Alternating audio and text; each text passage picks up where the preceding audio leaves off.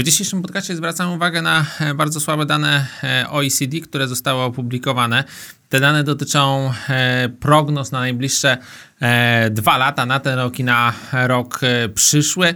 Z tych danych zdecydowanie e, wyłania się negatywny obraz, zwłaszcza e, strefy euro. Wzrost PKB dla strefy euro został obniżony o 0,8 punktu procentowego do 1% i to w porównaniu z szacunkami z listopada zeszłego roku, czyli, czyli za 2, 4, 5 miesięcy e, temu. Wyraźną obniżkę także mieliśmy, a nawet większą niż dla całego regionu w Niemczech. O połowę ten wzrost został obniżony, o ponad połowę do 0,7% a Włochy mają być w recesji w tym roku. To oczywiście są bardzo, bardzo złe informacje. To są informacje, które uzasadniają przedłużenie bardzo łagodnej polityki pieniężnej Europejskiego Banku e, Centralnego. Uzasadniają e, również włączenie e, operacji Teltro, czyli tanich pożyczek dla przedsiębiorstw, oczywiście generowanych przez system, przez, przez banki komercyjne i również uzasadniają także ostrożność w kontekście polityki pieniężnej na kolejne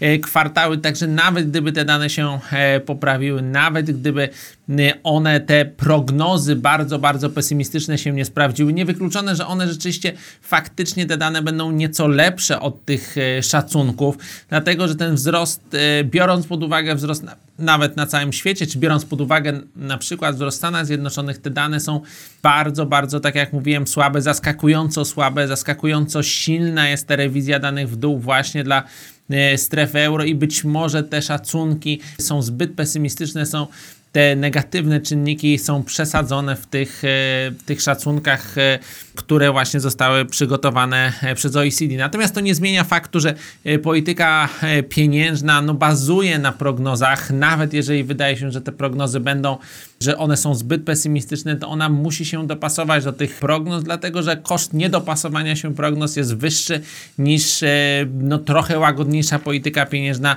przez kolejne kwartały. Także to jest negatywny czynnik dla euro i wydaje się, że on będzie utrzymywał się ten negatywny czynnik przez kolejne miesiące, jeśli nie kwartały.